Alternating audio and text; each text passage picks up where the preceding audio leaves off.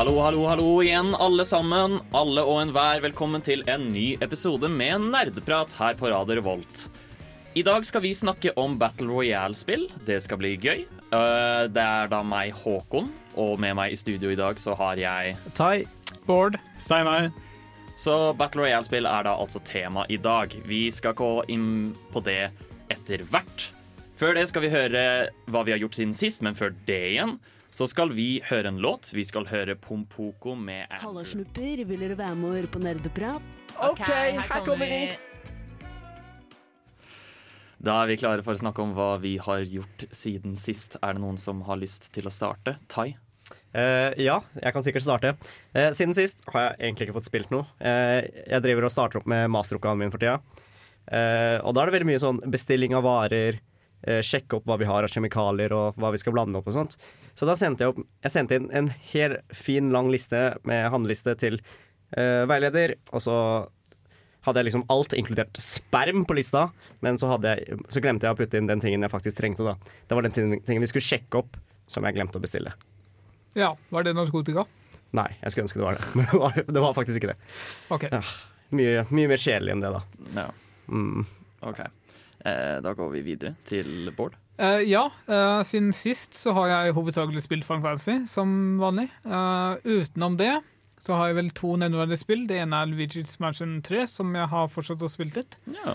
Fortsatt veldig bra, veldig underholdende. Begynner faktisk å bli litt sånn dybde i det når du får Guigi, som er en klone av deg selv som du kan kontrollere litt uavhengig av Luigi. Som gjør det litt mer interessant å løse gåter og sånne ting. Luigi er best boy. Han er så søt. Problemet er at han tåler ikke vann. Ja. Så Forståelig nok, han er laget av gelé-type. Jo, men Og så er det veldig merkelig, fordi spillet bare sier at nei, det her får du ikke lov til å gjøre det, og så burde du egentlig få lov til å gjøre det, så den er ikke veldig flink til å si det. Ja, uh, uansett. ehm, uansett, eh, i tillegg til det har jeg også spilt et uh, brettspill som heter uh, Hogwarts Harry Potter Hogwarts Battle et eller annet. Det er et kortspill basert på Harry Potter og rundt samarbeid. Hvor du går gjennom år etter år. Antall mulige kort blir eh, utvidet per år. Mye nye mekanismer og sånt blir introdusert per år. Og det er veldig gøy, egentlig. Eh, for de som liker uh, deckbuilding games, som det er en del av. Så Tai, du vil kanskje like det, i og med at det er litt lignende, litt lignende Shade Spire. Ja. Um, Fant du navnet på det, Håkon? ja, det heter bare Harry Potter Hogwarts Battle. Ja, Ikke, ikke så mye mer komplisert enn det. Nei, men jeg hadde glemt det. Uh, vi kom oss forbi år fire, som er liksom eh, Hvis du har spilt eh, Hvis du er litt sånn erfaren, så kan du starte på år fire, men vi kom vi spilte fra år én til år fire, så da blir det vel en ny kveld eller to, hvor vi da går gjennom fem, seks og syv. Dette svært, Hver runde tar jo mer og mer tid, i og med at det blir mer og mer kort, mer og mer fiender å bekjempe. Ja. OK. Spennende. Eh, veldig, veldig gøy for de som liker universet og liker filmer og sånne ting, fordi de har eh, illustrasjoner på alle kortene som viser hvem de er, og gjerne fra filmene eller noe sånt. Ja. Så du ser eh, Gigri, du ser eh, Malf Malfang og Ja. alt mulig sånt. Anbefales da å sjekke ut hvis du Ja, er fan av den serien. Eh, og kort, uh, bygge, kortstokk byggespill. Ja. Eller det. Steinar. Ja.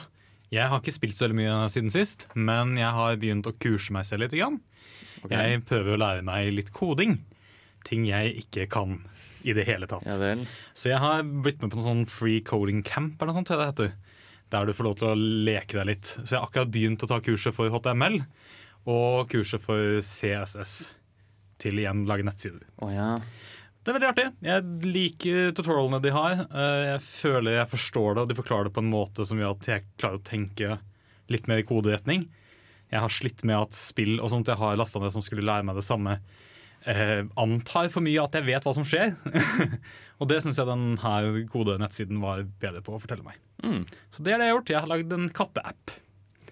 Fordi det er det som er tutorial. Hva, hva, hva involverte denne katteappen? Det er et bilde av en katt med en link som fører til dette kattebildet, og at du skriver hva du syns om katter i et uh, forumfelt. Ja, men det er jo hyggelig. Så det har jeg lært meg Hvor, hvor er app-delen av dette her? Eh, Jeg har ikke kommet så langt ennå. Enn så lenge så er det et forumnettside mer enn noe annet. Ja, men det var jo også Jeg vet det var en øving i et eller annet fag i romkameraten min hadde for programmering, hvor han bare skulle lage en nettside som bare var et bilde av han selv, og så bare noen par linjer med tekst om han. Og det er omtrent der jeg er nå. da. Jeg kan nå lage checkboxer og litt sånne Så basic ting. lett. Ja. Jeg syns det var gøy. Jeg håper jeg lærer mer, og jeg håper jeg faller litt mer inn i, inn i den verden.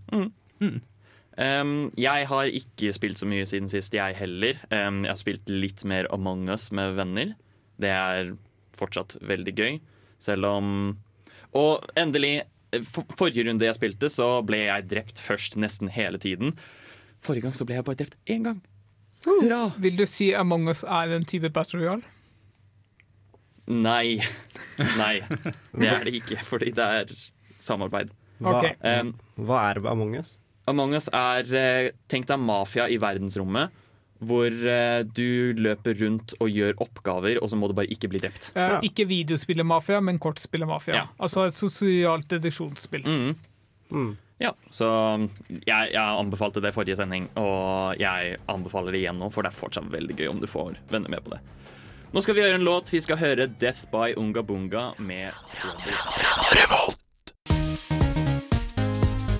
Nerdenytt.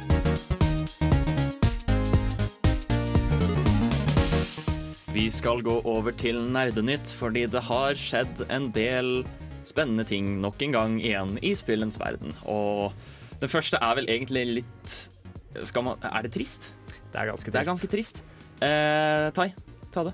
Ja, så altså, forholdene mellom India og Kina er jo akkurat de beste akkurat nå. Og hva har dette med spill, tenker du? Eh, jo, det har jo skjedd at eh, India har nå bannlyst en rekke spill som eh, har hva, eller et eller annet med Tencent å gjøre. Og dette er jo ting som eh, PubG, for eksempel, på mobil. Eh, dette har da ført til at folk har blitt eh, ja, arrestert da, for å spille PubG på telefon i India. Så dette er jo blitt eh, kriminelt, med andre ord. Eh, så da har de bannlyst 117 spill, ifølge Pressfire. Og eh, det mest kjente spillet er da PubG Mobile. Jeg føler det her er så sjukt eh, plottet til typen sånn eh, gamer-YouTube-video hvor vi lever i en dystopisk fremtid hvor videospill nå er forbudt. Uh, jo, for så vidt, men det er Altså, ikke for å være å, veldig det, er egentlig bare India som hater Kina. Det er ikke noe imot spill, det er bare India som hater Kina på alt. Uh, India har blokkert mange flere kinesiske apper på forhånd, i, på forhånd så det er det er ikke så veldig mye nytt, det er bare at de gjør det med mer og gjør det liksom litt bredere. Så nå tar de også spill. Mm. Jeg føler det er litt sånn episode fra Black Mirror. Så sånn derre Du kan bli arrestert for å spille et dataspill du ikke skal spille! Ja, det er for så vidt det. Det er fordi India er også redd for at Kina skal ta en Black Mirror og bare eie alt i India også. Eller eh, ja, eh, hente ut personinformasjon, eie for mye interne ressurser i India. Sånne ting. Det er i hvert fall veldig leit. Det er det. Um, men da går vi videre til neste sak, tenker jeg. Uh, skal vi se, Her er vi på Games Reactor. Der sier Ubisoft at PlayStation 5 ikke er bakoverkompatibel med PlayStation, PlayStation 2 og PlayStation 3. Som mest sannsynlig betyr at den er backwards compatible med PlayStation 4. Nei, jeg vil tippe nei. Jeg vil tippe jo. Du gjør det? Ja, fordi de bruker akkurat samme arkitektur. Men Altså- Sony har ikke gjort dette tidligere.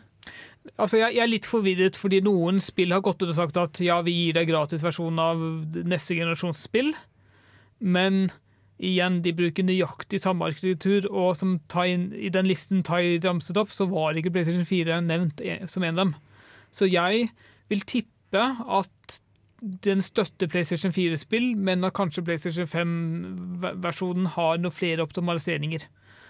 Hvordan, det aner jeg ikke, fordi det, det finnes kun én PC-versjon av spill. Men jeg, tror vi bare må vente på mer informasjon, egentlig. Med mindre det står noe mer i artikkelen, da. Ja. Vi får vel håpe på det beste, kanskje. Men, fordi jeg tenkte jo at dette er fordi Sony er gjerrige knerkere som sjelden er med på sånt her. Um, men de har jo også, for om vi går over til en annen nyhet, um, snakket om at de ønsker å få flere PlayStation-spill over på PC. Ja. Um, som viser at de kanskje er litt mer samarbeidsvillige. Det var hele den kontroversen tilbake med faktisk Fortnite, hvor uh, hvis, du lag, hvis du brukte en Fortnite-konto på PlayStation din, så fikk du ikke lov til å bruke den noe annet sted. Ja. Um, så man tenker jo sånn. Men nå har de bestemt seg for at vi skal, de skal utvide litt, akkurat sånn som Xbox gjør. ja. Og Sony burde også innse at den beste måten de får solgt nye konsoller på, er ved å støtte de gamle spillene. Fordi ingen har lyst til å kjøpe en Ingen har lyst til å kjøpe en ny konsoll bare for å ha det ene nye spillet på den. Mm. De kommer til å spille PlayStation 4 til den er tom for spill, hvis ikke PlayStation 5 støtter spillene. Mm. Og de har vel så vidt begynt å porte spill over fra PlayStation til PC nå. Det starter jo med Death Stranding og Horizon Zero Dawn. Og jeg tipper på at de kommer til å ta med Spiderman og Uncharted og mest sannsynligvis Infamous etter hvert. da. Det hadde faktisk ja, Infamous har de vel allerede sagt skal bli en ting. Yes! Men de gamle eller et nytt et? Jeg vil tippe det er de gamle. Fordi de gamle er jo ganske De er ganske gamle nå. Men de er vel Ja. Ja. Mm. Det, det åpner jo egentlig horisonten enda mer, da. Ja, For det gjør det. hva de kan eh, porte Ja. over til PC. Så det er jo veldig spennende. Um, ja. Nei, eh, vi skal høre mer uh, nyheter om litt etter vi har hørt Misty med Fremmedord. Da var vi tilbake igjen. Bård hadde en umiddelbar oppdatering på dette med Ja, jeg søkte opp litt mer under låt, og Sony selv sier at de vil eh, støtte tilbake- for PlayStation 4 for den ekstreme majoriteten av de 4000 titlene de har. Så det vil være et unntak om det ikke støttes. Så det er oh ja, okay. Så det er de aller fleste. De absolutt aller fleste. Ok, ja, men Det er jo faktisk eh, en veldig god nyhet. Det er. Overrasker meg ganske mye. Så det, det er jo veldig bra. Vi går eh, nå videre til noen Nintendo-relaterte nyheter. Det første em, er at de har endelig begynt eh, De tillater endelig at du kan trekke forhåndsbestillinger på eShop. Som eh, er jo veldig bra, fordi plutselig så ombestemmer man seg.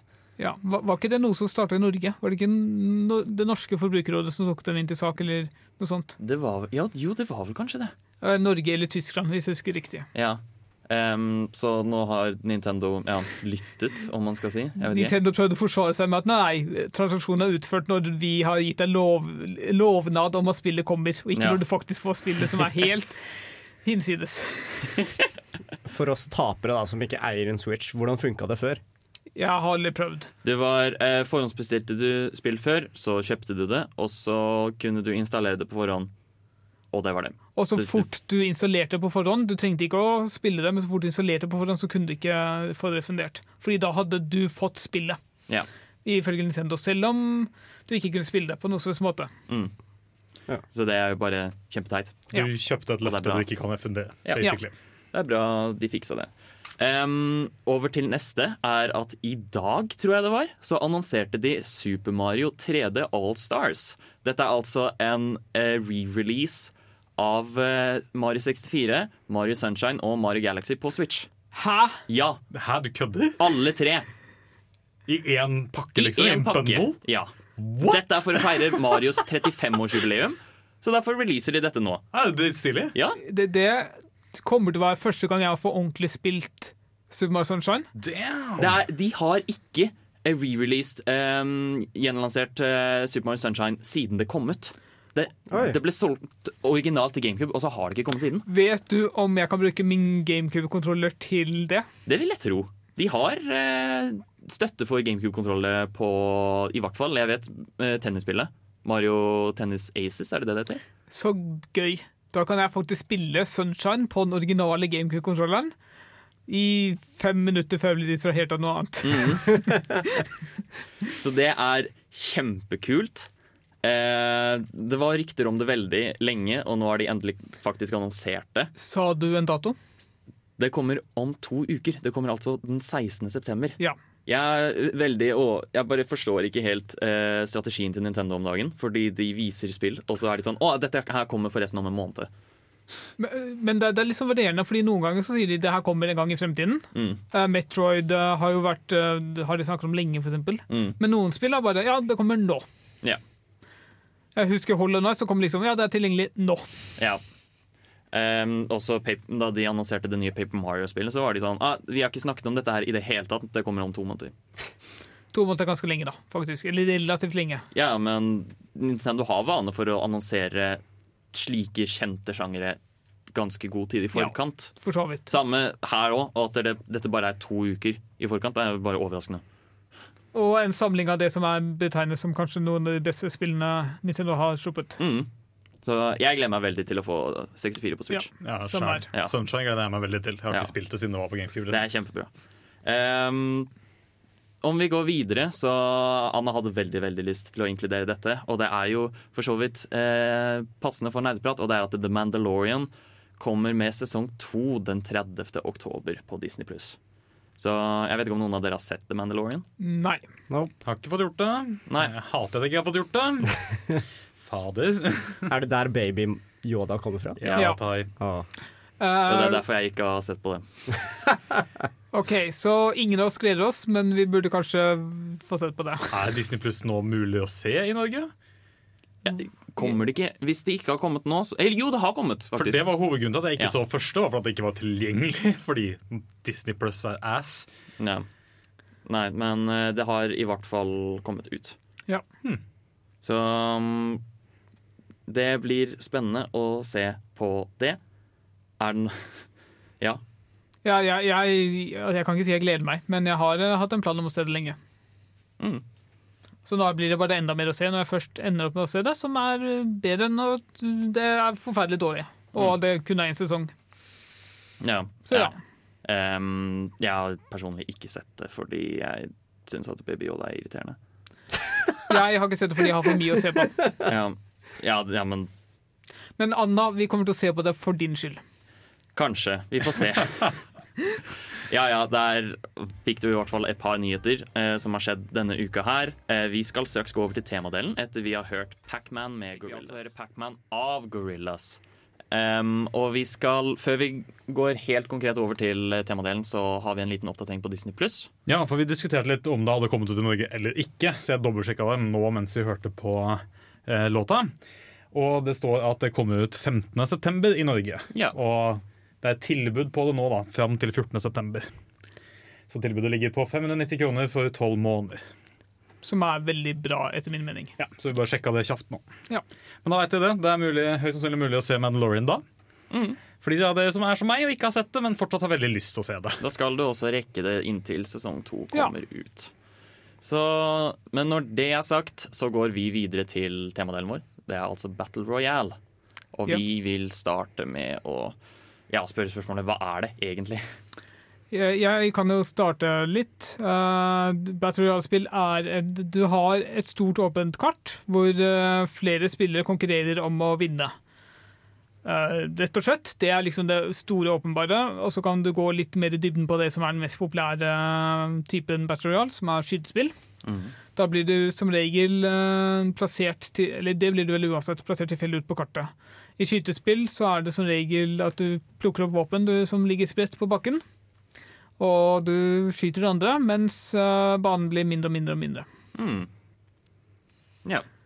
Um, det er vel egentlig det. Uh, det fins mange andre varianter som vi skal ta videre. det.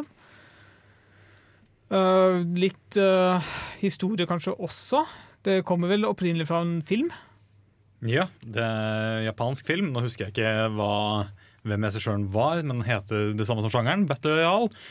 Eh, handler i all hovedsak om at eh, eh, holdt på å si, ledelsen i Japan vil sette et eksempel for ungdom at man ikke skal gjøre opprør mot Japan. Eh, så de velger å ta ut en ungdomsgruppe, en skolegjeng, til et område der de skal drepe hverandre for å skremme befolkningen, eh, slik at de ikke gjør opprør mot staten. Ja. I all hovedsak. Korte trekk. Men i Vesten ble det vel mest sannsynligvis popularisert av Hunger Games, tenker jeg. Definitivt. Uh, Hunger Games uh, var jo også en modifikasjon til Minecraft som var veldig populær. Er det fortsatt, jeg vet ikke om det er fortsatt populært, fordi jeg spiller ikke så mye Minecraft, men En veldig lang periode for en liten stund siden så var det utrolig populært med Hunger Games i Minecraft. Og da starter du nøyaktig som i Hunger Games. En liten sirkel rundt eh, en haug med gjenstander du kan plukke opp. Eller så kan du løpe bort fra sirkelen og prøve å finne ting i villmarken. Og blir banen mindre og mindre? Jeg husker ikke helt hva som er greia med Hunger Games i Minecraft lenger. Det er vel mer at du, i hvert fall originale, jeg kjenner jo ikke så til det moderne nå. Jeg vil jo tro de også har begynt med at banen blir mindre og mindre. Men jeg husker originalen var at det var et sett begrensa hvor mye ting du kunne finne på mappet. Og de beste tingene var jo nærmere midten du kom. Og ting fylte seg opp igjen i midten i løpet av spillet, som tvingte deg til å komme deg inn mot midten for å hente de bedre tingene. Det var initiativet til å prøve å trekke folk sammen. Hvis ikke så jakta du på hverandre på ganske greit store maps. De var ikke enorme, men ja, du jakta da, mer eller mindre. Siden implementeringen som jeg så på det, var vel at etter hvert, når eh, matchet begynte å bli litt for langt, så ble det sånn derre Nå er det snart free for all, og så har du ett minutt på å samle ting. Og så blir alle teleportert mot midten. Så Ja. blir det bare låst inne. Stemmer, folk blir teleportert til midten. Oh, ja. Det husker jeg nå. nå som det endrer. Ja, jeg husker at det ble en ting senere. Originalen var liksom at du bare løp rundt. Men jeg. det var vel problematisk fordi Tok, ingen, tok lang tid. Det er en grunn Ja. til de implementerte en ny løsning. Folk gjemte seg og ville aldri komme ut fra Heidi Hallet sitt. Uh, er det flere enn meg som har erfaring fra dette Mm. Minecraft, Hunger Games og liksom den tidlige uh, Battle Royale-implementasjonen. Jeg har nevnt det tidligere også. Jeg var jo med og lagde litt maps til, bat til Battle Royale, eller da Hunger Games-mapsene, som vi kalte det. Ok, Så det var en gjeng med nordmenn som var flinke på å bygge, som starta liksom Hunger Games-greiene. Varieide er kanskje den mest kjente personen, han som i dag er en del av Pebs og Dennis. Begge de var med og lagde maps i Minecraft, så det første Hunger Games-mapset var vel de som lagde. Ah, Det visste jeg ikke. Eh, da, da, jeg husker ikke om det var Dennis eller om det var Preben som hadde Varieide som brukernavn. Men det var en av de i hvert fall som var the OG Hunger Games mapmaker. Ja. Så det er artig. Så for å summere litt opp. eh, Mange forskjellige spillere blir plassert. Det er litt varierende hvor mange. Og kartet blir kontinuerlig mindre, og du finner gjenstander rundt om på banen som hjelper deg å vinne. Og det er puzzles inn i spillet, sånn redstone puzzles der du må løse kode, nei, kodespaker osv. for å få tak i ekstra spesielle ting også. Ja. Så det, alt var litt sånn gjemt. Det var også feller på banen. Ja, og så er det jo det er gjenganger at det er kun enten et lag eller én person som kan vinne. da. Ja, du kan Ja. spille på lag, eller du kan spille alle mot alle. Mm. Som regel eh, ja, veldig, veldig mange spillere. Noen av de nyere spillene har støtta utrolig mange spillere. Ja. Jeg tror originalet var tolv, og så har det bare økt og økt og økt Ja. siden. Um, det ha, da har vi fått en ganske god definisjon på Battle Royale. Men uh, nå skal vi gå til låt. Vi skal høre Myra med 100. Oberst, jeg prøver å snike meg forbi vaktene, men lyden av min rumpeblafreng distraherer dem fra å lytte på nerdeprat. Velkommen tilbake. Du lytter fortsatt til Nerdeprat på Radio Revolt. Og vi snakker om Battle Royale-spill. Vi skal gå litt videre nedover i historikken. Eh, videre fra Minecraft. Ja, jeg er litt usikker på om egentlig Minecraft var først, men øhm, jeg er ganske sikker på at det var, øh, var det. Fordi det, det kom ca. samtidig som filmen. Uh, litt sånn parallelt med dette her, så ble Daisy sluppet for Arma 2. Eh, for de som ikke kjenner Daisy, det er et åpen verden-spill hvor eh, du kjemper mot zombier og andre spillere. Problemet med Daisy på det tidspunktet var at det var for åpent. Det var en gigantisk verden hvor det var veldig vanskelig å finne spillere. Så det var eh, noen som fant ut at ja, la oss eh, bare begrense eh, spilleområdet gradvis. Så det var en person eh, Dette har jeg hentet fra Wikipedia, så jeg kan ikke garantere dets autentisitet. Det er mest sannsynlig korrekt. ja, det tipper jeg. Eh, det var en uh, fyr ved navn Brendan Green, som, ble, som er kjent ved hans alias Player Unknown, som da lagde først en Battle Royale-mode for eh, Arma 2 og Daisy, som ble sluppet i 2013. Um, da, eh, men i motsetning til Hunger Games så blir våpen spredd tilfeldig rundt om på kartet. Det er ikke kun sentrert i midten, som det var i eh, Hunger Games for Minecraft. Eh, den her ble vel såpass populær at Eller for det første, den ble også oppdatert for Arma 3. da den ble sluppet. Det var vel en god stund siden nå, husker jeg. Og han ble spurt om å være konsulent for eh, H1Z1, som også er et Battle Royale-spill. Et helt eget Battle Royale-spill. Har aldri prøvd, men eh, jeg tror det var et, eh, en liten flopp. For å si det sånn. Eh, Så etter han var ferdig der, så gikk han ut og startet for seg selv, og skapte det som er kanskje et av de mest kjente spillene nå, som er Player Battlegrounds. Yes. Jeg vil til og med argumentere at det er det som starta hele Battle Den Royale-crazen. moderne Ja, eh, du kan vel kanskje si H1Z1, men det virker som H1Z1 var ganske mye hatet og ikke så veldig kjent, så den kan man vel kanskje la være å telle. Mm. Men PlayerUnknowns var en av de første ordentlig store lanseringene. Som fikk masse spillere helt i starten, og så har det vært litt plaget av folk som har flykta lyst til å spille, litt uh, optimaliseringer som ikke har blitt gjort, og klager og litt sånt. Folk elsker å klage på spill de liker. Ja. Men eh, allikevel, til tross for alt det, så er det fortsatt veldig populært. Det tror jeg, ja. Jeg eh, skal helt ærlig innrømme at jeg er ikke oppdatert på alle, hvor mange spillere som er på PlayerUnknowns, men jeg vil tippe at det er fortsatt veldig populært fordi det er et spill du kjøper en gang. Det er ikke gratis å spille, så når du har investert penger i det, som du kanskje gjorde da det kom ut for uh, Hvor mange år siden nå? Husker ikke. Det kom ut i 2017. Ja, så har, har du et insentiv til å fortsette å spille det. Eh, I motsetning til gratisspill hvor du har kanskje lagt inn ingen penger, og er, hvor det er veldig lett å bare hoppe videre til neste.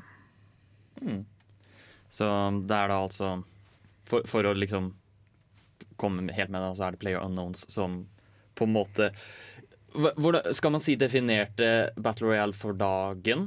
Eller det, det er den som jeg vil si er den som starta nå Altså dag, eh, de spillene som er aktuelle i dag. Ja, Det er den første av spillene som er store i dag. Ja, den, jeg føler jo Altså, vi skal snakke litt mer om det straks. Um, men sånne, spill, så, sånne svære spill som Fortnite sånt har jo fulgt denne malen. Å ja, og de har kommet etter PlayerUnknowns. Og de har, de har alle lånt litt av hverandre, men PlayerUnknowns er liksom det første ordentlig store Battle eh, Royale-spillet som ble kommet ut, og som fortsatt er aktivt i bruk. Mm.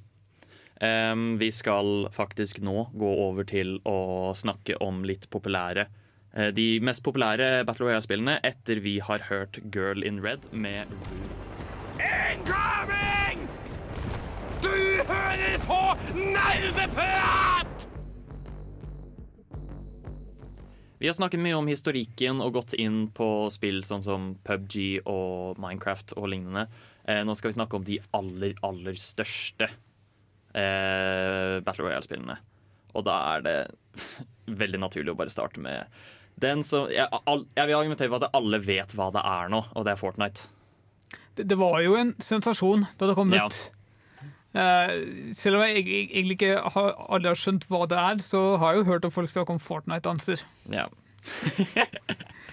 Så ja. Det, Jeg skal lære deg noe stort. etterpå, Bård. Nei takk, det skjer aldri.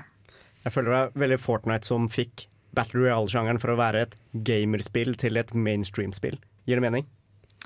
Ja, det tror jeg. Uh, Fortnite var jo veldig banebrytende da det kom ut, fordi det kom ut samme år som uh, PlayerUnknown's Battlegrounds, men det var gratis.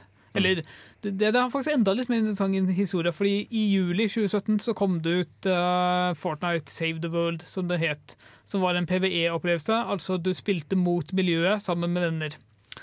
Det, jeg tror ikke det gjorde så veldig bra. Det var i hvert fall sjefen på Epic, eller en eller annen sjef på Epic, ville bare sjakte det helt og bare kaste det Altså ødelegge det. Men så brukte de da to måneder og sånn sikkert på å utvikle en gratis Battle Royale-modus som tok verden med storm.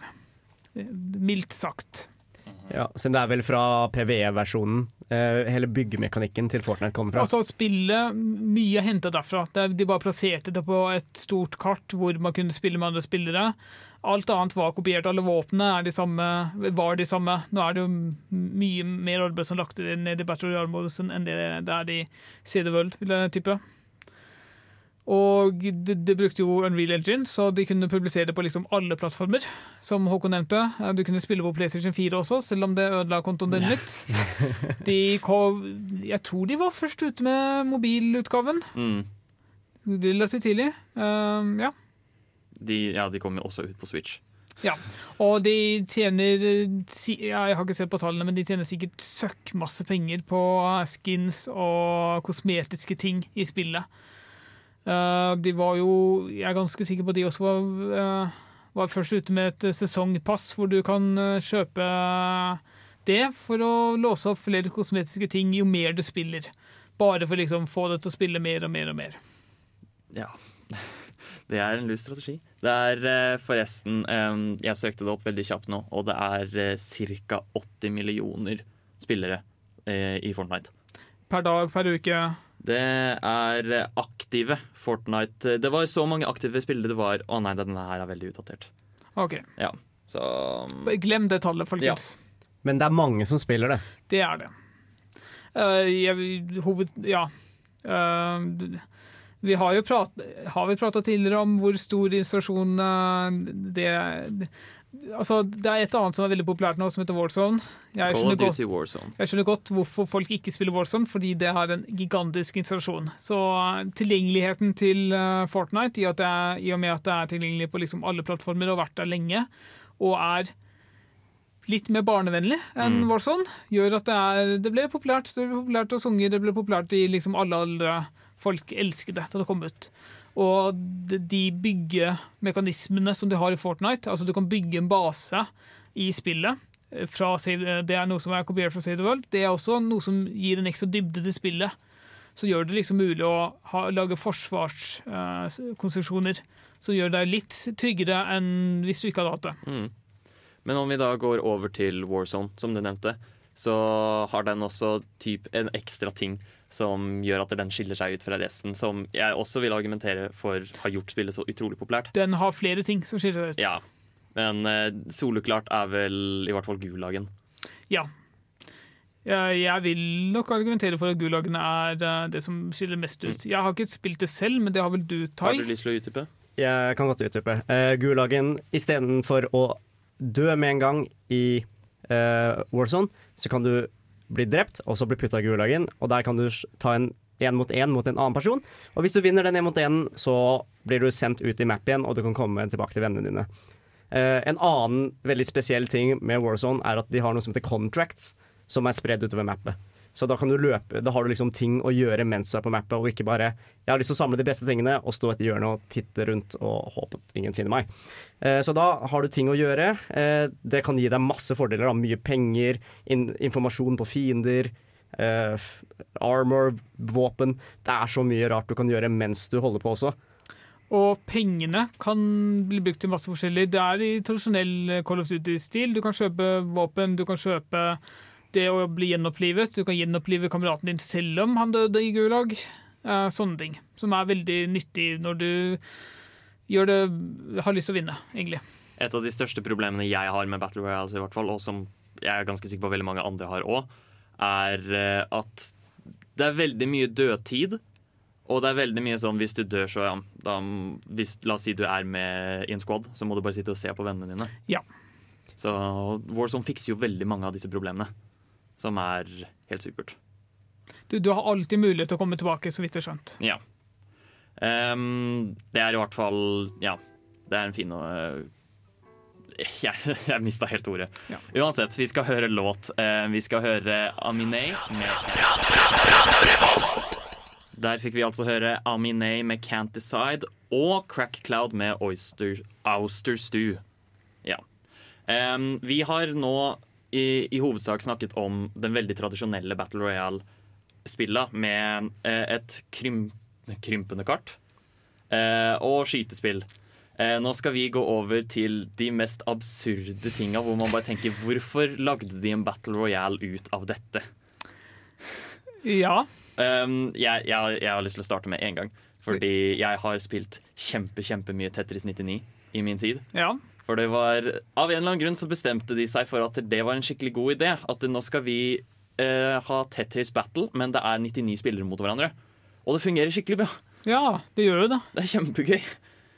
Og jeg, jeg, jeg, jeg respekterer sånn. Jeg syns jo nesten det er litt gøyere når du tar den sjangeren i noe som ikke passer inn i det hele tatt. Er det da bare for å holde ut lengst, liksom? Eller? Ja. ok, Så folk ryker ut på normalt vis? Vet du hvordan du spiller Tetris mot hverandre? Nei. Nei. Det er det jeg spør om. Fordi når du eh, tar og lager en linje, eller flere linjer, Ja. så sender du søppel til motstanderen din. OK. Og det fyller opp radene. Men Ja. hvordan funker dette når du spiller med 99 spillere? Har du en Da spesifikk spiller du deler du velger du hvem du går etter. Du kan velge, du kan velge en spesifikk, en tilfeldig, den med mest uh, Ah. Jeg husker ikke helt. Håkon kan sikkert de bedre. er, eh, du har ulike strategier og Eller strategier i anførselstegn. Hvor uh, du kan Hvis du trykker 'angrip', så sender du til uh, Jeg tror du sender søppel til alle som angriper deg.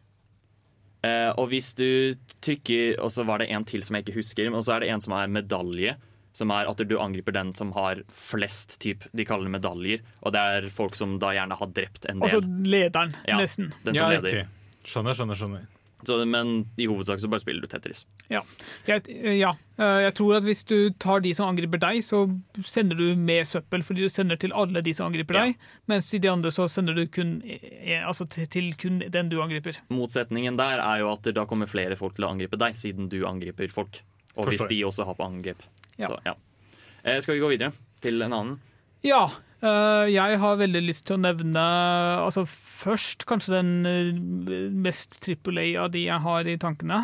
Forsa Forza Jeg husker ikke hvilken Forsa det er. Forsa 4 eller noe sånt. Har en modus som heter Forza Eliminator, som er Battle Royale. Og det fungerer egentlig akkurat som de vi har snakket om tidligere. Du, bare med biler. Bare med kappløp. Så jeg plukker opp våpen og skyter de andre bilene. Det. Nei. Uh, det som skjer, er at du blir plassert ut tilfeldig med en søppelbil. Okay.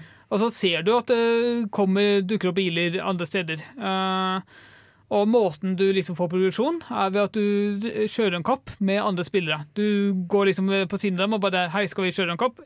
Jeg tror ikke, du, jeg tror ikke den andre spilleren får noe valg. Du bare tvinger den til at 'nå kjører vi en kapp' til en eller annen bestemt destinasjon. Og hvis du vinner, så får du Jeg husker ikke om det er du får den andres bil eller en oppgradering til din egen bil. ok. Men hvordan skjer dette? Er dette på en stor, et stort kart, eller er dette, skjer dette Ja, på en et åpent kart. Et okay. åpent type Jeg husker ikke helt hva man skal sammenligne med, men tenk sånn eh, et, Tenk eh, battery, altså, player, altså alle vanlige Battle Royale-kart, hvor det er gress, hvor det er litt byer, hvor det er litt veier og sånne ting. Hmm. Alt mulig sånt. Det høres ut som en blanding av gun game og, og Battle Royale, for du får oppgraderte biler underveis Ja. som du hermetegn tar livet av noen. Men du plukker også opp tilfeldige biler Ja, underveis. ok. okay. Du kan liksom, Det kommer en dropp, på samme måte som det gjør det i Fortnite og sånne ting. Og da kan du plukke opp liksom en superbil. Og hvis du overlever til slutten, så er det en slags eh, inner circle-greie. Hvor, det er kapp, hvor alle dukker opp på samme sted, og så er det et kappløp om å komme seg til en destinasjon. Forstår. Høres veldig sært ut, men artig. Eh, jeg, altså jeg, det er veldig mye av disse spillene jeg ikke har spilt selv. Jeg har sett på andre spill og jeg har lest litt på det, så jeg kan ikke si hvor gøy det er. Men for de som liker bil, og de som liker fordi jeg skal være helt ærlig, jeg hater tradisjonelle Battle Royale-spill. Jeg orker ikke skytebaserte spill, det, blir, det, det er for mye av dem. Så jeg elsker sånne eh, andre, andre typer. Eh, Hvilken plattform er det på? Alle som Forza er til, i hvert fall, tror jeg, men i hvert, altså, hvert fall PC. Men jeg er litt usikker på det. Um, det var også en du nevnte før sending som jeg uh, var nysgjerrig på.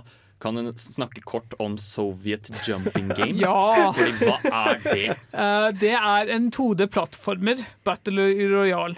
Så du starter på Tenk deg en type Mario Kart. Du starter i midten eller utenfor banen eller sånt. Og så er det masse rør, rørlignende ting, som teleporterer deg forskjellige steder på banen. Og der er det en 2D-bane som faktisk krymper, og så er det om å gjøre da å vinne over de andre. Jeg tror du hopper på dem eller noe sånt for å vinne. Ok, Men hva har Sovjet med noe av dette å gjøre? Den er veldig, altså Hele tematikken er russisk. Mye av teksten er russisk, eh, alt mulig sånt. Og jeg tror det skal liksom, mye av ikonet er liksom en sånn russisk dukke med flere lag.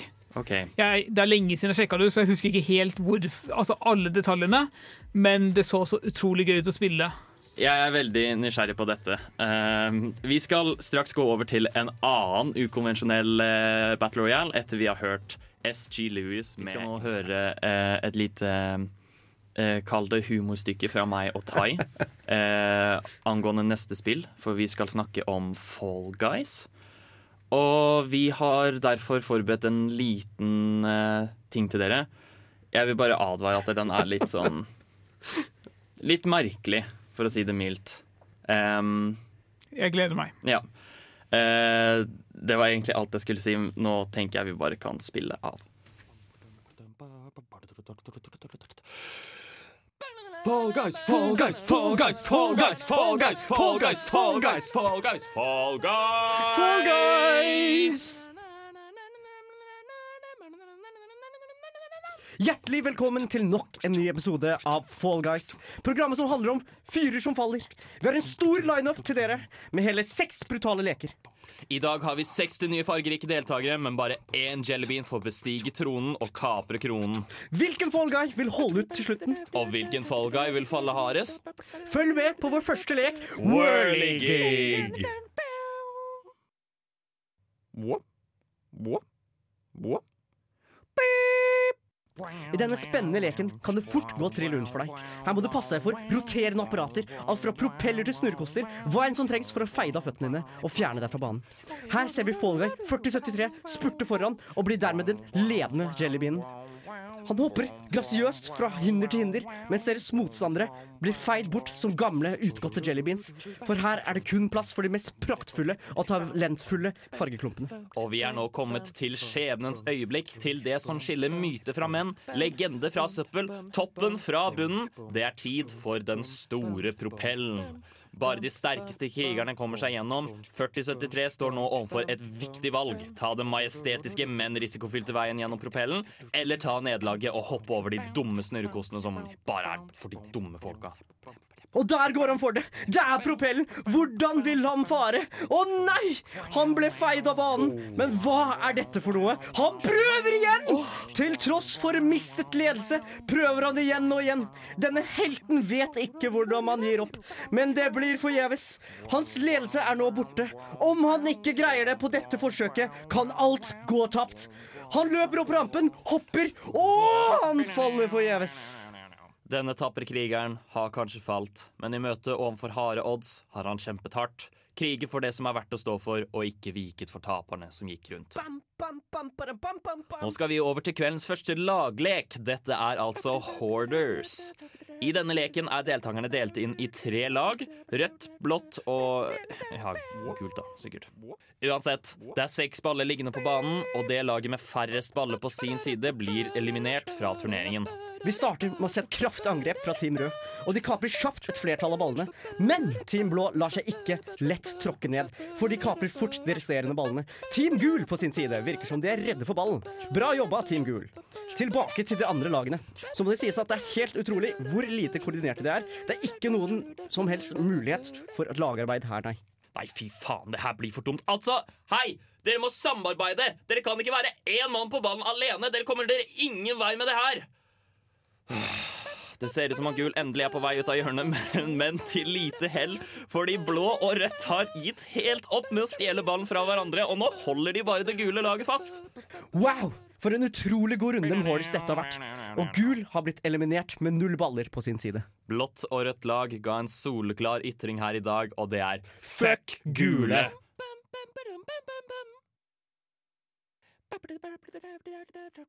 Og da er det på tide med neste match. Den leken blir da perfect match. Håkon. Nei. Håkon. Nei, jeg Håkon. ikke. Nei, Jeg vi har snakket om det. her. Vi har faen meg snakket om det. Håkon, du må snakke om perfect match! Nei, jeg vil ikke. Håkon. Vil ikke. Håkon. Og der starter de med perfect match. Den første frukten er banan. De må finne riktig frukt å stå på ut ifra det de ser. Det er, er, de må huske det her er en barnetest. Om det Håkon, dør noen nå, så blir jeg skikkelig sint. Det her er ikke gøy. Hvorfor har vi denne Håkon! ruletten, Tai? Håkon! Nei, helt ærlig, bare, bare fucking stopp hele Håkon, driten. Jeg Håkon, gidder ikke der. Håkon. Ingen får den jævla krona. Jeg Du, orker ikke mer. du lovte Håkon, vent! Nei, du, du lovte! Stopp! Håkon! Nei. Stopp! Stopp! Nei! Håkon, stopp! Stopp! Jeg Ah! ble ikke med på perfect Håkon! match. Jeg orker ikke det. Fy faen, jeg stikker. Uh, tekniske problemer. Uh, ta resten i studio live, dere. Ha det.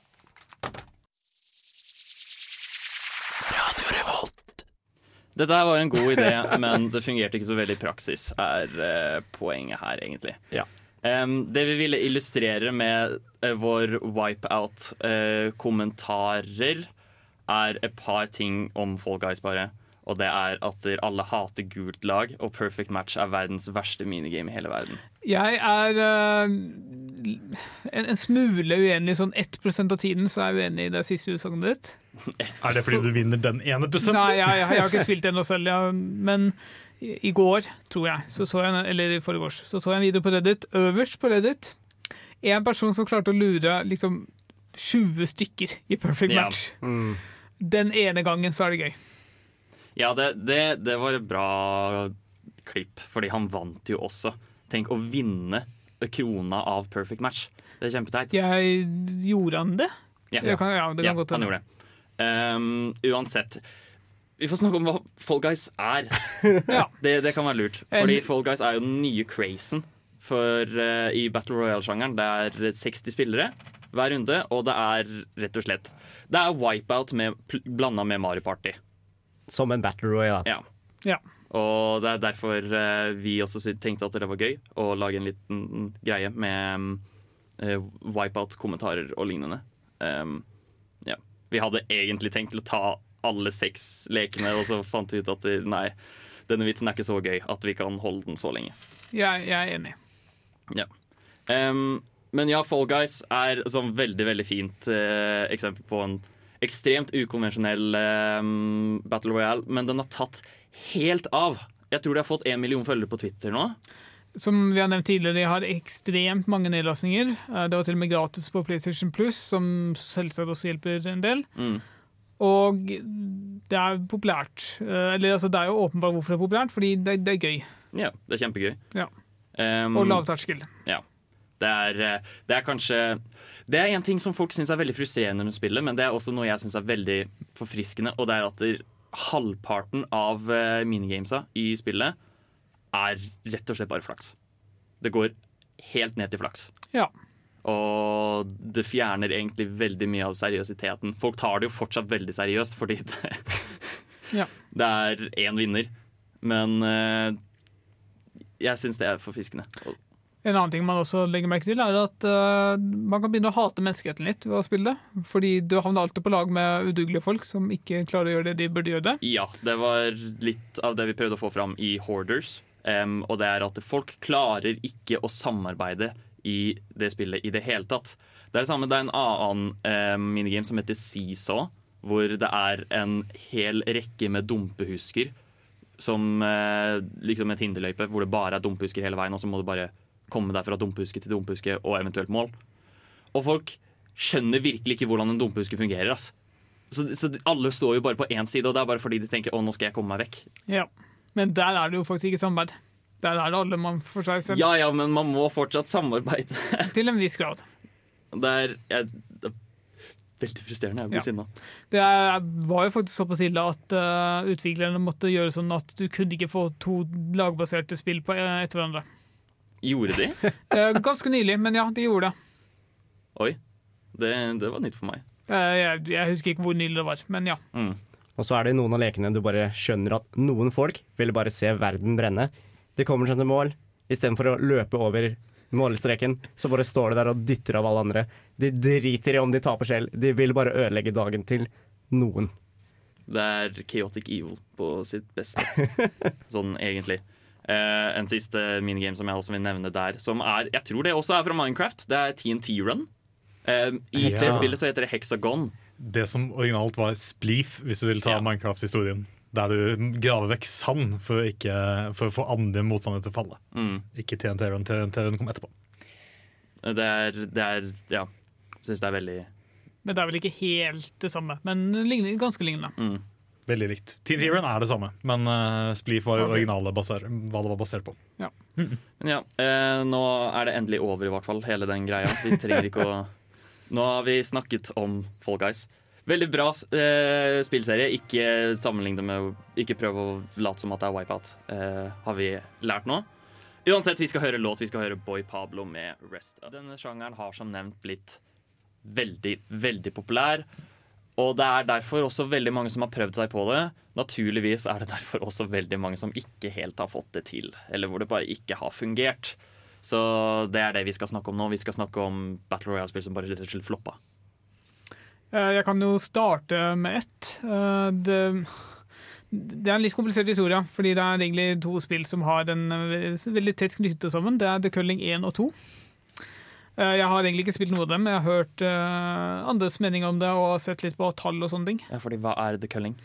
The Culling er, så vidt jeg husker, det er veldig lignende Hunger Games. Også veldig sånn uh, Ikke militær, ikke futuristisk, ikke moderne. Det er veldig sånn tradisjonelt uh, steinalder-type ish setting. Battle Royal. Uh, jeg husker ikke alle detaljene i hodet, men uh, visstnok eneren var veldig gøy å spille. Folk likte eneren og var veldig fornøyd med det. Og så kom det Så fant utvikleren ut at nei, vi skal lage en toer. Og toeren var helt forferdelig. Så de bare ødela alt ved å utvikle en toer som ikke fungerte overhodet. Mm. Uh, som er veldig Altså For de som likte det, så er jo det sykt dumt, men det er jo Som man merker i spillmarkedet, det er ikke plass til alle sammen heller. Mm. Så det gir jo for så vidt mening at uh, noen av de dårligere spillene forsvinner. Ja. Um, en annen som jo er verdt å nevne, er uh, atter Fallout 76. Jeg tror de kalte den uh, Battle Royale sin Nuclear Winter. Det høres riktig ut, ja. Um, jeg husker jeg satt og så på denne E3-konferansen hvor de annonserte dette sammen med Anna. Og så calla jeg på forhånd. Eh, spillet deres dør, de kommer sikkert til å annonsere Battle Royale. Lo and behold, de annonserte Nuclear Winter, som har 52 spillere, tror jeg. Um, fungerer veldig på samme måte, bare at du velger liksom hva slags De har jo alle disse hvelvene som du er i, og så velger du hvor du er der, istedenfor at du dropper fra Battle Bus og lignende. Ehm, det gjorde det ikke så veldig bra i det hele tatt, men det er jeg egentlig ganske sikker på bare er fordi Fallout 76 generelt fikk veldig vel, ble slakta av kritikerne. Folk likte ikke det spillet så veldig godt. Ja. Jeg har faktisk eh, benyttet anledningen til å søke opp enda litt mer informasjon om The Culling som jeg hadde glemt. Er folk interessert i å høre det? Fordi det er en skikkelig mareritthistorie av utvikling. OK, ja. Eh, som sagt, de lanserte en toer. Dette var, eller jeg kan starte helt på starten. Uh, eneren ble eh, sluppet i 2017 eller noe sånt. Eller tidligere. Uh, oktober 2017, ja. Uh, toeren ble sluppet allerede i eh, 2018. 10. juli 2018. Altså under et år etter eneren ble sluppet. Så slapp de en toer. Åtte dager etterpå så ble den trukket tilbake fra alle butikker. Eh, og så har de fant ut at nei, de, de skal reboote eneren. Og den følger en betal per match-filosofi. match-filosofi. så ja. Det, jeg tror det er første gang jeg har hørt noen med en betal per match-greie. sånn utenom Guitar Hero, de nyeste gitarspillene tror jeg har noe lignende. Men ingen andre spill har noe sånt. Altså, Da kunne du like godt begynt å grave fram en gammel arkademaskin og stappe på penger. Ja, da. ikke sant? Gud bedre. Så ja, eh, det ble annonsert i mai, 12. mai i, i år om at det skulle komme tilbake som eh, The Culling Origins. Mm. Ja, OK. Med betalt per match der òg, eller? Ja. Gud bedre at de ikke lærte. Jeg tror ikke jeg noen gang har spilt Jeg tror ikke jeg eier et spill som jeg liker godt nok til å betale per match. Nei. Uh, jeg, jeg har også lyst til å nevne noe som ikke Så kanskje er en flopp, men kanskje egentlig ikke. Uh, Apex Legends ble veldig stort da det ble sluppet, men nå er litt sånn glemt. Men jeg, jeg ville applaudere det likevel, fordi det var nytt, det var banebrytende, og det var faktisk et interessant univers. Så vidt jeg husker, så var det Titanfall-universet, som har fått altfor lite oppmerksomhet uh, i forhold til det det burde få. Og du hadde faktisk heltid med forskjellige ferdigheter, i motsetning til bare alle kan alt. Som jeg liker. Du kunne faktisk komponere et team og altså, sette sammen team med forskjellige ferdigheter som kunne fungere godt sammen. Istedenfor bare være alle tar en AK og plaffer ned folk. Mm. Så kanskje noe vi ikke ønsket floppa, da. Jeg vet ikke om du kan si det floppa, men Nei, det- det, det- det, lever ikke i beste velgående fortsatt. Det hadde en veldig stor spillebase en stund, og så bare ble, mista folk interessen. Men jeg tror det lever fortsatt. Ja. Um, nå skal vi høre en låt før vi går videre til hvordan det har påvirket industrien. Vi skal høre 'Disclosure' med 'Birthday'. Nerdeprat på Radio Revolt. Da var vi tilbake. Eh, Vi skal eh, nå gå litt inn på hvordan um, Hvordan Battle Royale har påvirket industrien, liksom spillutviklingsindustrien. Fordi det har jo nå tatt helt sinnssykt av, som vi har nevnt. Um, og det vil jo egentlig bare bety at alle har lyst til å prøve seg. Ja, eh, du, du ser jo det allerede. Eh, Det beste eksempelet er definitivt Call of Duty, som har en egen Battle Royale-modus. Eh, Etter spillet kom ut. Jeg vet ikke helt hvor lang tid det tok, men så skal du også si at det er en av de mest gjennomførte Battle Royale-modusene noensinne. Men la, jeg har lyst til å gå enda litt uh, Altså gå enda litt mer tilbake. Uh, det som kanskje har vært påvirket, mest påvirkning, er det jævla sesongpasset. Eller uh, hva det kalles Battle Pass, Season Pass, whatever. Jeg vet ikke om det var Battle Royale-spill som nødvendigvis kom ut med det først, for jeg husker Dota var ganske tidlig ute med det også. Men i hvert fall, det at du skal betale ekstra penger for å låse masse kosmetiske ting, men som bare skal få deg til å spille enda mer, er et genialt konsept for å tjene masse penger, men helt forferdelig for alle som har lyst på kosmetiske ting. Spesielt hvis du prøver å få det i flere spill. Hvorfor kan du ikke bare tjene opp en valuta som du kan bruke akkurat sånn som du vil, sånn som det er litt med tilfellet av Overwatch, eksempel? Hvorfor må du spille til level fuckings 100 og Så tar det sikkert mange timer med spilletid for å få den jævla kule tingen. Det kan være litt forskjellige ting, tenker jeg. da. Eh, Jeg er ikke så lykkelig over lootbox-delen heller, der jeg ikke helt vet hva slags kosmetiske ting jeg kan få. Jeg liker tanken om at jeg kan tjene en valuta som jeg også eventuelt kunne kjøpe dette battle, hermetegn battle passet, der jeg vet hva jeg får for min tjente valuta, f.eks. i Overwatch. Ja, i- Du altså- kan jo det ved å kjøpe enkeltskin, men igjen, et battle pass er jo ofte at du får mye på en gang. da. Misforstå meg ikke, jeg hater også lootbox, men det at de ikke har muligheten til Altså det at ting er låst bak et produksjonssystem hvor du ha, har 100 leveler, er og, som, og så har du begrenset med tid, og når du, den tiden er over, så bare forsvinn det. Så den kule glidebrettet du kanskje kunne fått i, helt i starten av Fortnite, det er nå utilgjengelig kanskje for resten av spillet. Bare fordi du ikke spilte da Ikke investerte nok tid i spillet akkurat på den perioden. Ja, det er jo ikke så veldig kult. Nei.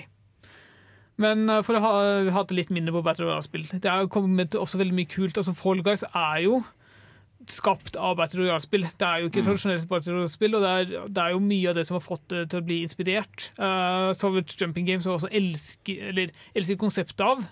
Jeg elsker alle ukonfesjonelle Battle. Det er helt fantastisk at uh, sånne ting dukker opp, fordi Battle Royale-spill har vist seg å være så appellerende. Mm. Det var jo, vi fikk jo faktisk mail på det nå nettopp. Det var også vist sammen med Mario 3D Allstars, um, men som vi ikke fikk nevnt. Og det er at de tydeligvis har kommet med en ish Mario Battle Royale også. Så vidt jeg kunne skjønne, ja. Ja. 35 spillere. Super Mario Bros 35 heter det. Hvor Ja. jeg tror du bare spiller gjennom det originale Super Mario Bros. Og så eliminerer du folk på samme måte som i Tetris 99. Helt sikkert. Ja. Og det er en fantastisk idé. Det er akkurat sånne ting jeg har lyst til å se. Det er kjempesmart. Jeg syns det er veldig, veldig artig. Ja. Så um, overall generelt positive om uh, utviklingen. Ja, Med unntak av liksom pengetjeningsmetoder. Det Ja, kan bare ja, og henge seg. Ja, det, ja, men vi, vi er ikke glad i kapitalist. Og så er det veldig morsomt å se hvor mange som flopper. Hvor mange Battle Ja. Som bare flopper. Ja, det er jeg veldig enig i. Eh, straks skal vi nå gå over til ukas spørsmål etter vi har hørt General, Gerald Ofori og Salamon med Medusa. Når innså du at du var en gamer? Dersom du kunne spilt kun et spill i et år Hva er det eldste spillet i backloggen din? Hva har du lært fra spill som du har fått nyte av i Er det et spill som har hjulpet deg gjennom en tung periode av ditt liv? Hva er ukas spørsmål? Ukas spørsmål vektlegger hele denne ukonvensjonelle Battle Royale-sjangeren som vi liker så utrolig godt. Og det er derfor spørsmålet bare er hva slags ukonvensjonell Battle Royale hadde du lagd som ikke eksisterer alt?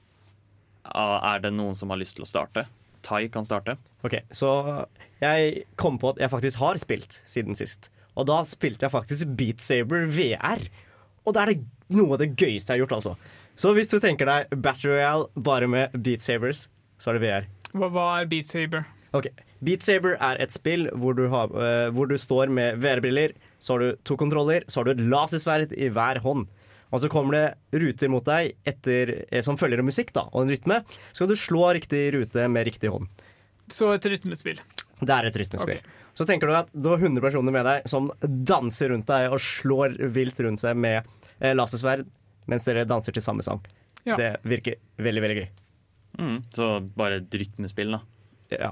Altså, hvis, du, hvis du sier det på den måten Ja. høres ut Men jeg, jeg, får, jeg, forestiller meg, jeg forestiller meg at det her blir Beat Saber, bare at det er som um, Tetris 99, kanskje? Beat Saber med eliminering. Det Ja. trenger jo ikke være vanskelig, Ja. det egentlig. Det ser kjempeartig ut. Mm. Ja. Det simple er det ofte det beste, Håkon. Mm. Eh, Hva med deg, Steinar? Jeg satt jo og tenkte litt på Hvis jeg skulle komme opp med noe sært og artig, så tenkte jeg hva hvis de lagde en Battle Royale om 2020? Der du må samle dasspapir før alle andre. Der du må finne antibac før det tømmes i hyllene. Prøv å få til å selge det høyest mulig på eBay. Og overleve pandemien. Ja. OK. ja, men hvor, hvor, hvordan fungerer elimineringsmetoden? Du, hvis du ikke får tak i dasspapir, så er du fucked. Da sitter du på dassen der uten å gjøre noe. Du blir låst til et punkt, så smitten kommer og tar deg. Kalle et da. Ja. Hvis du blir smittet, så dør du jo. Ja, Ja, er så er du død. Da er du ute. Så du må, være, du må ha antibac nok, og du må ikke bli låst til å være på ett sted for lenge med mye mennesker. Så du må på en måte prøve å ofre deg selv og komme deg inn i butikken og kjøpe mest mulig der alle andre er, men også prøve å unngå å være for mennesker. Og slik, barn, er det sånn korona fungerer. No, nok om det. Hva med deg, Håkon? Eh, du kan ta først, du, Bård. Jeg skal ta først. Det, ja, jeg har et, egentlig et veldig generalisert tema som jeg skal prøve å spesifisere litt. Fordi jeg har et håp om at egentlig alle spill kan bli Battle Royale.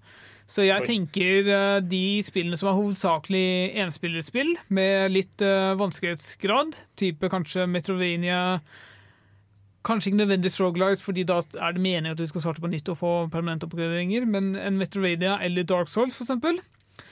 Bare plass, eh, kort ned spillelengden litt. Gjør det sånn at det passer lengde, kanskje en halvtime, 45 minutter forventet eh, tid på å klare å komme gjennom. Og la folk spille gjennom parallelt. Okay. Og de siste som klarer uh, hindringen, altså enten en boss eller uh, en annen ting du må låse opp, eller noe sånt, de blir eliminert. Og så kan du sikkert gjøre det Jeg har ikke helt funnet ut hvordan du skal liksom ha intermenneskelige relasjoner, altså hvordan du skal kunne gjøre ting vanskelig for andre spillere nå, men jeg syns det kan være interessant. Og Ja. hvis du også kan se liksom produksjonen til de andre, hadde vært gøy. Mm. Bare gjøre det litt mer sosialt og gjøre det litt mer sånn Ja. Så Så et slags kappløp gjennom vanskelige spill, Dark Souls, um, Metrovania-spill, sånne ting. Ehm, Dark Souls fungerer jo også egentlig ganske godt med tanke på PVP-en, som også er godt implementert i spillene. Ja. Så du kunne jo laget noe ut ifra det. Jo, men jeg tror det blir litt for, uh, litt for heavy. Men jo, jeg, jeg ser det, men da må du Jeg tror det må gjøres veldig mye endringer i det Dark Souls-spillet før det kan være mulig. Mm. Bare sånn eh, banedesign og sånne ting. Jeg tror ikke Dark Souls-banen er veldig godt egnet for eh, større grupper som gjør PVP, akkurat. Ja. Um, for min Jeg var litt usikker på hva jeg skulle velge, um, men etter en kjapp gjennomkikk gjennom Steam-katalogen min, så fant jeg en som jeg tenker kunne vært litt gøy. Og det har dere spilt Super Hexagon? Nei. Ja. Jeg har det, men jeg har ikke spilt det. Super Hexagon, det er rett og slett du styrer en liten pil som er rett på en eh, ja, heksagon. Og så kommer det vegger inn mot deg, og så må du gå der hvor det er mellomrom. Sånn at du ikke blir truffet av veggene og dør. Du kunne rett og slett bare hatt den som holder ut lengst, er den Ja. som vinner. Og det er også kjempegøy, fordi det spillet er veldig intens. Nivåene er som regel bare at du skal overleve i 60 sekunder. Som sier litt om hvor intenst det kan bli. Og når du da setter det inn i på en måte sånn ah, du må bare det, Jeg føler det kan bli veldig nervepirrende når du holder ut veldig lenge. da Eh, forresten, jeg kom på en annen ting som jeg bare må nevne veldig fort. Octodad Battle Royale. Å, herregud! La oss bare la det være der. Ja, da. Du kan tygge på den litt. Ja. Eh, det kan du gjøre mens vi hører Annie med Dark Hearts. Stemmer. Nå er det tid for Nerdeprat anbefaler.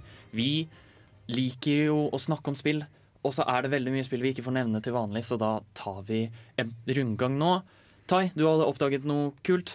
Ja, eh, det er et spill som nettopp mener jeg har kommet ut på Xbox, og det skal komme ut på Steam, men eh, det er fortsatt ikke kommet ut, da.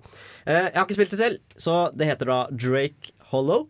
Og da er det en basisbyggespill hvor du skal utforske områdene rundt deg for å samle inn ressurser. Du kan enten spille i singleplayer eller i co-op for å dyrke det som heter Drakes, da, som er grønnsaker med ansikt som løper rundt og hjelper deg til å bygge basen din, og de er kjempesøte. Uh, ja. Uh, det er egentlig det. Ser kjempefint ut. Har litt sånn eh, Fortnite-stil grafikk, da. Gleder meg veldig til å Ja, spille. er veldig pen artstyle. Det er litt vanskelig å beskrive. Um, men sjekk det ut, i hvert fall. Det ser veldig nice ut. Um, over til noe annet.